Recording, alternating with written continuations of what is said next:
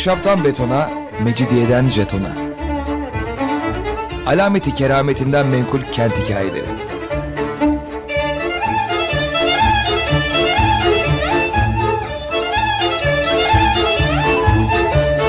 Hazırlayan ve sunan Pınar Erkan.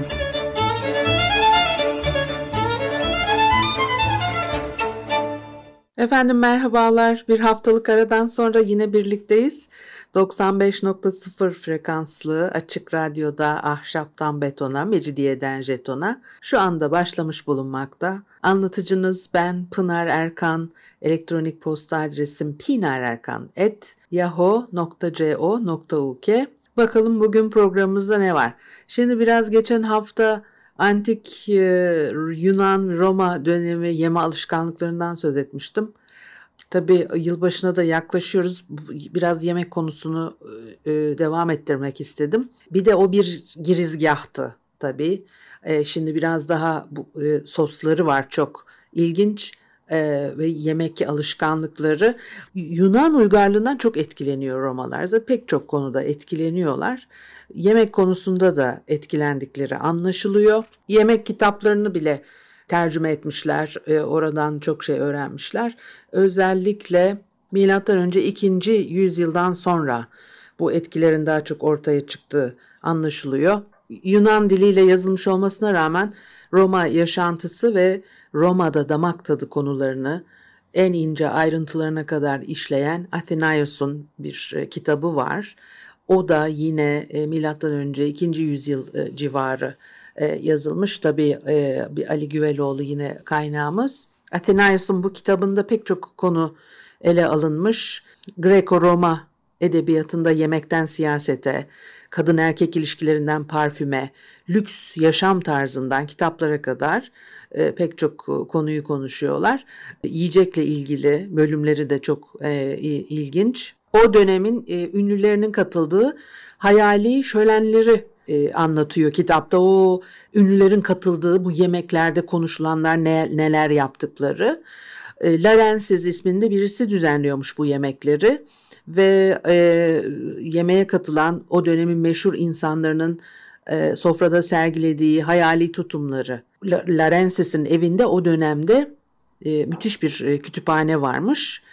E, zengin, varlıklı ve bilgili bir kişi olarak karşımıza çıkıyor. E, şölenlere katılanlara e, çeşitli yemekler ikram edildikten sonra konuklar kütüphanede hangi konuda istiyorlarsa araştırmalar yapıyorlar filan böyle enteresan bir davet ve şölen. Bir değil tabi birden fazla farklı şölenlerden söz ediliyor. Bunların bir tanesinde bir çömlek dolusu yılan balığı, ballı karidesler, yufkalar içinde yavru kuşlar, fırında pişirilmiş ton balıkları ikram edilmiş.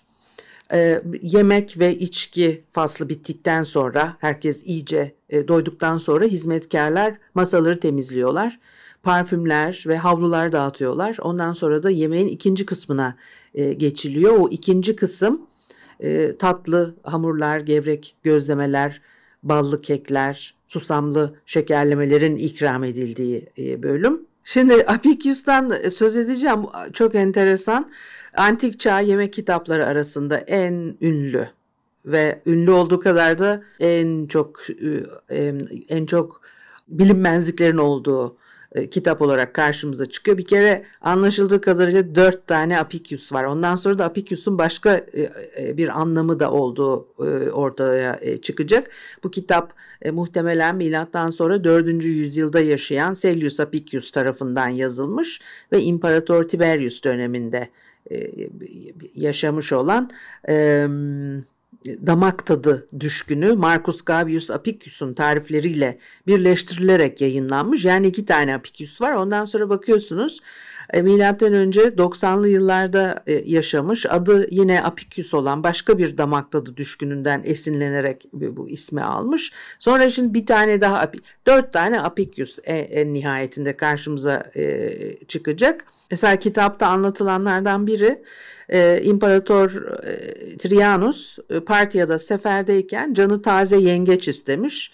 Fakat denizden oldukça e, uzakta e, bulundukları için e, bu isteği yerine getirilememiş. İmparatorun e, böyle bir şey istediğini haber alan e, çağdaşı Apicius kendi bulduğu bir yöntemle yengeçleri paketleyip imparatora e, taze olarak göndermiş. Nedir o kendi bulduğu yöntem? Yengeci sirkeyle yıkanmış kavanozda saklarsanız daha ucun daha uzun süre dayanıyor. İmparatora ihtiyaç duyduğu yengeçleri bu yöntemle göndermiş olabilir. İşte okumaya devam ettikçe anlıyoruz ki Apicius bir şahıs isminden çok damak tadına düşkün olan, zenginlere verilen bir takma isim olabilir. Özel bir isim öyle çıkıyor karşımıza fakat aşçılar ve yemek okulları da onun adıyla anılmış. Yemek tariflerini toplayan, aşçılıkta ün salmış kişiler de kendilerini Apicius ismiyle özdeşleştirmiş e, ve kendilerine ait tariflerin bu şekilde kitaba girmesini sahip ola, e, sağ, sağlamış olabilirler gibi e, yorumlar yapılıyor. Bir de çok hoş 4 Apicius'tan e, ikinci sırada olan yani yine Tiberius döneminde yaşamış olan Marcus Gavius Apicius çok obur bir adammış. Aç gözlü ve e, lükse düşkünlüğüyle tanınırdı diyor.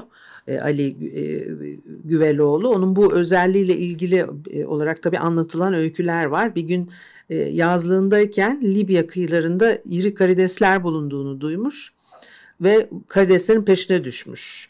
Fakat yelkenle gidiyor. Fakat e, hedef noktaya vardığında kıyıda bekleyen yerli balıkçıların kendisine e, sunduğu karidesleri yeterince iri bulmayınca gemiden inme zahmetine bile e, katlanmayıp dümenciye İtalya'ya geri dönmesini emretmiş.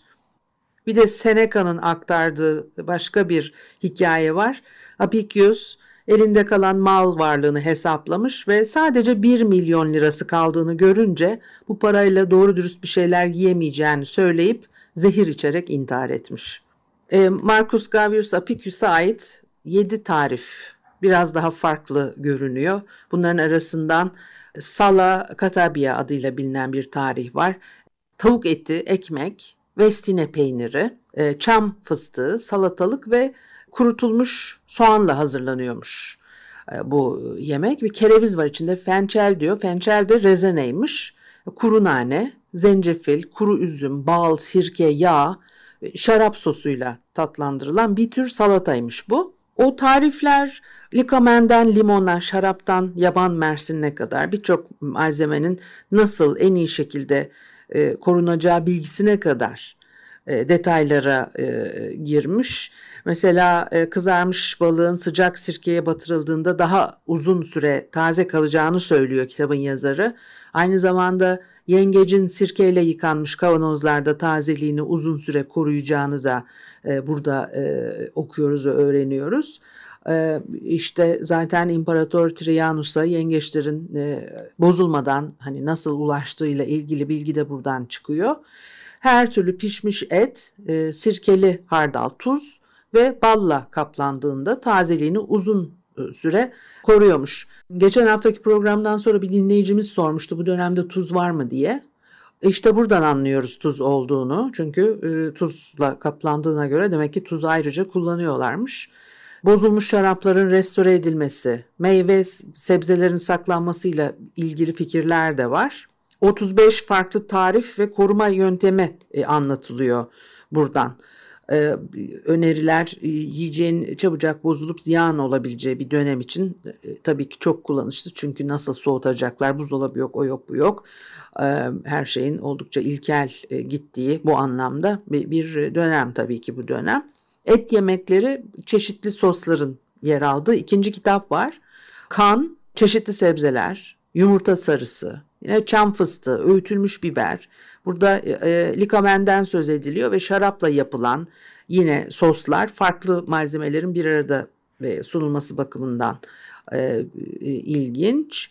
O da nedir? Likamen veya garum. Garumu belki daha e, duymuş olma ihtimaliniz daha yüksek. Küçük balıkların iç organları ve baş kısımlarını çeşitli otlarla bir araya getirip deniz suyuyla e, karıştırıyorlar. E, bir sos bu. Özellikle Romalıların yemeklerinde çok e, sık kullandığı bir sos. Roma'da daha yaygın fakat antik Yunan soslarından biri bu aslında. E, daha çok tuna balığı, yılan balığı gibi balıkların iç organlarını tuzlayarak yapıyorlarmış bunu. İşte ona katıyorlar şarap, sirke katıyorlar, karabiber, yağ, su da e, katabiliyorlar. Bir de ilaç olarak veya kozmetik amaçlı da kullanılmış bunlar. Her, sözünü ettiğimiz bütün malzemeler son derece tuzlu. Ayrıca tabii farklı otlarla karıştırılmış. E, nane ve e, likomenle birlikte servis edilen e, kavundan pişmiş salatalıklara, e, zeytinyağı, sirkeyle servis edilen haşlanmış şalgamdan kızarmış kızarmış havuçlara kadar çeşitli meyve sebzeler yer alıyor ve bu tür e, hafif atıştırmalıklar pişmiş yemeklerin yanında veya sonrasında e, işte ağızda böyle bir tazelik hissi uyandırmak için de kullanılmış olabilir.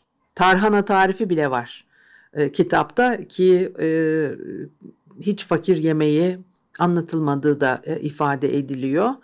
E, en azından günümüzün tarhanasına çok benzer bir çorba ve sütle e, hazırlanıyor tarhananın Pers yemeği olduğunu ve Pers dilinde e, trahanas olarak söylendiğini ifade eden e, yazarlar var.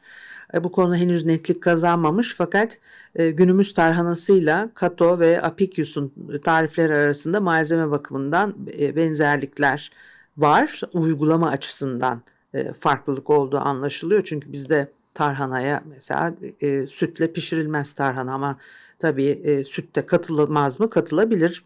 Ama e, e, suyla asıl hani yapım e, şekli tarhana çorbasının. Bir müzik arası verelim. Ondan sonra flamingo ve papağanın nasıl pişirildiğini anlatacağım size.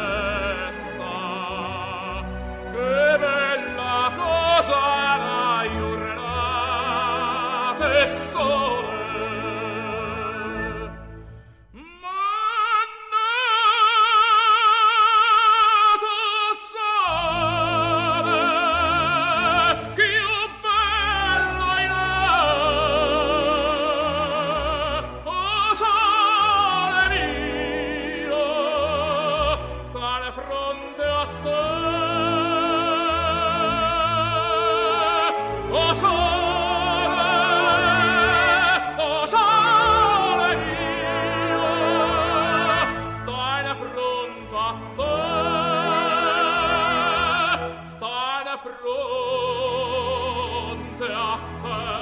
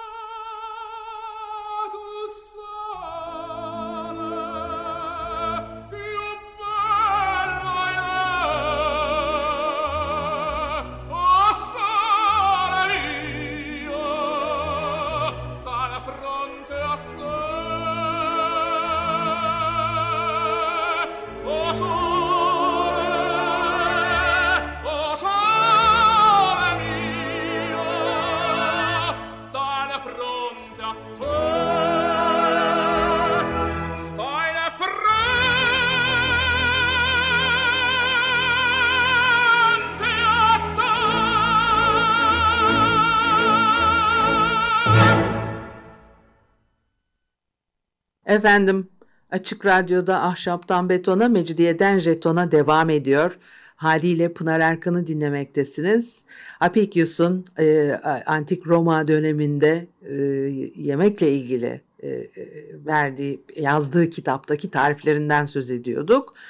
E, tabii e, tarhana e, tarifi bile var dedim. Çünkü bu e, kitapta e, verilen tarifler büyük oranda e, lüks e, zengin malzemeli yemekler olarak karşımıza çıkıyor. E, kırmızı et ağırlıkta kitapta bir de çeşitli soslarla çeşnitlendirilen turna, ördek, e, yabani ve evcil e, güvercin, tavuk, çeşitli av kuşlarıyla ilgili yemekler de e, yer alıyor diyor Ali Güveloğlu. E, Apicius'un flamingo ve papağan için pişirme ve sos önerisi de var. Diyor ki Flamingoyu temizleyip yolun ve derisini yüzdükten sonra tereotu, tuz, sirke ekleyerek su dolu kaba koyup kaynatın. Pişme işlemi yarılanınca birlikte pişmeye devam etmek üzere biraz pırasa, kişniş katın. Sonuna doğru yaklaşınca renk vermesi için biraz defrutum ekleyin. Bir e, havanın içinde biraz biber, kimyon, kişniş, silfiyum kökü, nane ve sedef otu katıp dövün sirke ve pişirmekte e, olduğunuz flamingo suyundan ekleyin. Koyulaşması için bir kaba alıp kaynatın. Sonra da bu sosu pişmiş kuşun üstüne dökün diyor. Başka bir tarifte pırasa tohumu, kuru nane, yine bir silfiyum kökünü bir havanda dövdükten sonra sirke, likamen, hardal, hardal ve yağ ile e, karıştırıp en sonunda da defretum eklenmesini tavsiye ediyor. E, daha farklı bir tat elde etmek istiyorsanız bal ve biraz daha likamen ekleyebileceğinizi de e, e, söylüyor. Bu iki sos da kızarmış tavukla çok iyi gidermiş. Yöntemler tabi bunlar hep pişirme, hazırlama tekniklerini bize aktarıyor. Kızartma, haşlama, ızgara gibi pişirme teknikleri, temizleme, kesme, havanda nasıl döveceksiniz, nasıl marine edeceksiniz, bütün bu ön hazırlıklar, saklama yöntemleri de veriliyor. Ee, tabii o zaman e, dönemin sadece lezzet anlayışını değil, beslenme tekniklerini de öğreniyoruz. Bir de mutfak alışkanlıklarını, pişirme yöntemlerini de e, öğrenmiş oluyoruz. Tencere, tabak, tava, ızgara, testi, pişirme ocakları gibi mutfak araç gereçleri hakkında e, fikir e, veriyor bize. Bir de e, ba, e, bazı yiyeceklerin bölgesel özellikleri var. Onlara dikkat çekiliyor. Mesela diyor ki part usulü tavuk, oğlak kuzu tarifleri veriyor. Numidia usulü tavuk diyor. Liburnia yağı, küme çö- çömleği. Yani yanlış telaffuz edeceğim diyor ve ben de burada çö, çö, çö, çömlek diye gidiyorum. E, e, tabii işte besin maddeleri, e, ördek, tavuk filan e, nasıl pişirildiği geldikleri bölgelere göre e, isimlendirilmiş. Part usulü tavukta karabiber, yabani kereviz, biraz kereviye otu var. E, likamen biraz şarapla hazırlanan sosun içinde pişiriliyormuş. Önce haşlanıyor silfiyum ve biberle tatlandırıldıktan sonra e, e, kızartılıyor. Sosu içinde biber, kimyon, kereviz tohumu, yine silfiyum kökü, e, sedef otu, hurma, çam fıstığı dövüldükten sonra sirke, bal ve likamenle birlikte koyulaşana kadar pişiriliyor ve sıcakken tavuğun üzerine dökülüyor. Bir tür gravy sos gibi bir şey olmalı bunlar. Apicius'un tarifleri arasında domuz eti, beyin, çiğ yumurta, çam fıstığı ile doldurulduktan sonra biber, silfiyum, yine likamen, zencefil gibi baharatlarla kaplanan domuz işkembesi et, baharat ve sakatat grubunun e, bir arada e, sunulması açısından gene bir farklı bir örnek olarak karşımıza çıkıyor. Böyle çok karışım var tarifler arasında. Et, sakatat türlerini birleştirip e, daha çok doğu bölgelerinde karşımıza çıkan baharatlarla çeşitlendirmiş. Bu tür tariflere de sıkça başvurmuş. Mesela yine tavşan, oğlak, kuzu ya da tavuk ciğerini pişirin diyor. Yağ, biber, likamen ya da tuz ekleyin. Dilerseniz balık şekli verin diye e, anlatıp bitirmiş. Şimdi tabii Apicius daha önce Arkestratos'un aslında kitabı ismini söylemeden e, biraz ilk bölümde söz etmiştin. E, daha Akdeniz dünyasına uygun yemekler. Apicius'a baktığınız zaman baharatlar arttıkça daha çok doğulu unsurlar e, taşımaya başladığı anlaşılıyor. Çünkü bol baharatlı ve soslu e, olarak hazırlanan o yemekler Roma, Akdeniz dünyasında yeni sayılır o dönem içinde. Ve Seneca'da ki stoacı bir filozof tabi Seneca, Apicius'u ve onun temsil ettiği aşırı savurgan yemek yeme alışkanlıklarını eleştiriyor. Klasik bir antik çağ yemeğinde 3 veya 4 baharat ya da ot kullanılırken Apicius'un yemeklerinde 10 baharat e, bulunabiliyormuş. İşte bu da e, fazla geliyor demek ki. Sadece deniz ürünleri için hazırlanan ya 10. kitap mesela 35 e, farklı sos tarifi var. Malzeme olarak genellikle karabiber, nane, kimyon, kişniş tohumu, kereviz tohumu, bal, sirke, Suriye sumağı, kuru ayva, soğan, yumurta sarısı, kuru üzüm şarabı gibi ne kadar zengin malzemeler tercih ediliyor. Ayrıca şarap, şarabın kaynatılmasıyla elde edilen bir tür şurup ve e, çeşitli aroma vericilerle tatlandırılıyor. E, deniz kirpisi için 3 ayrı sos önerisiyle karşılaşıyoruz ve temelinde zeytinyağı, biber, gene likomen, yumurta, nane gibi baharatlarla birlikte kaynatılarak koyulaştırılmış bir sos. Küçük tuna balıkları için yine biber, kereviz, kereviz tohumu, nane, sedef otu, hurma, bal, sirke, şarap ve zeytinyağı e, kullanılıyor. Her yemek için bir sos önerisi yapmış yazar e, neredeyse. Çoğunlukla aynı malzemeleri kullanıyor fakat küçük farklılıklar var e, yapılışlarda. Dolayısıyla da o işte sosta e, sonuç olarak belki de e, büyük bir değişiklik yaratmış oluyor. Buradan başka bir kitaba da geçebiliriz. Petronius. E, İmparator Nero döneminde yaşadı ve onun sarayında şölenler düzenlenmesine yardımcı olduğu anlatılır. Pek çok bilinmeyen var. Hiçbir şey net değil. 65 e, yılındaki Piso tertibine karışmış adı bu sebeple de intihara zorlanarak öldüğü genel olarak kabul ediliyor. E, onun e, kitabında bu tariflerle beraber ne Trimalchio isminde zengin varlıklı birinin yaptığı yemek davetleri, hazırladığı şölenlerden söz ediliyor. Trimalchio konuklarını hamamda karşılıyormuş.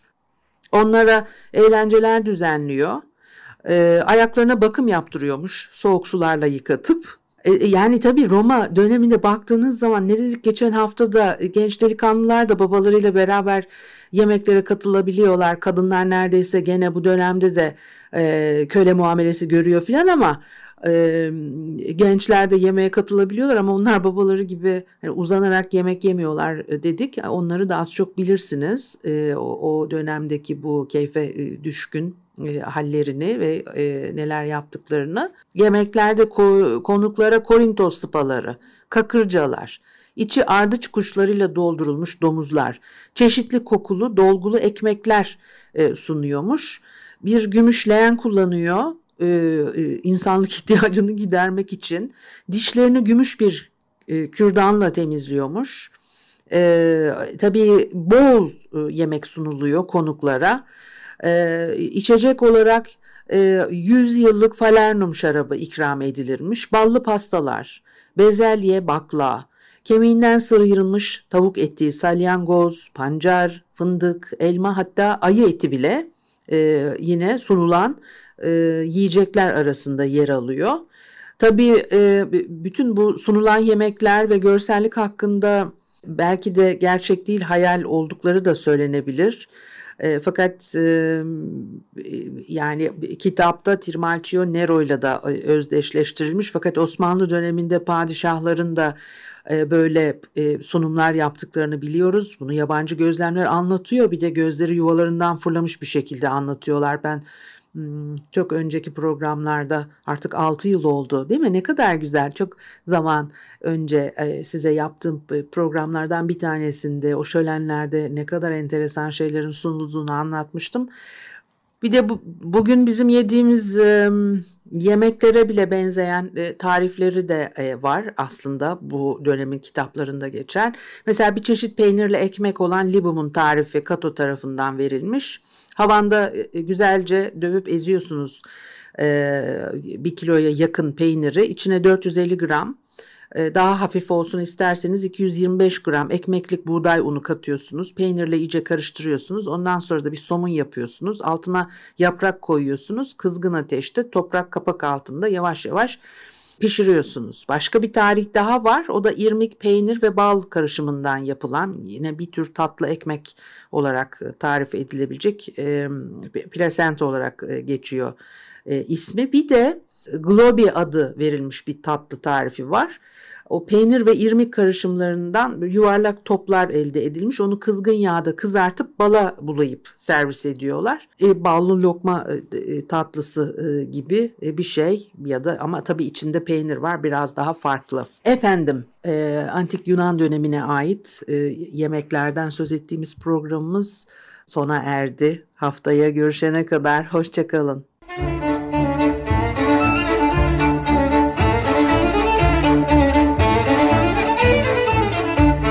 Ahşaptan betona, mecidiyeden jetona. Alameti kerametinden menkul kent hikayeleri.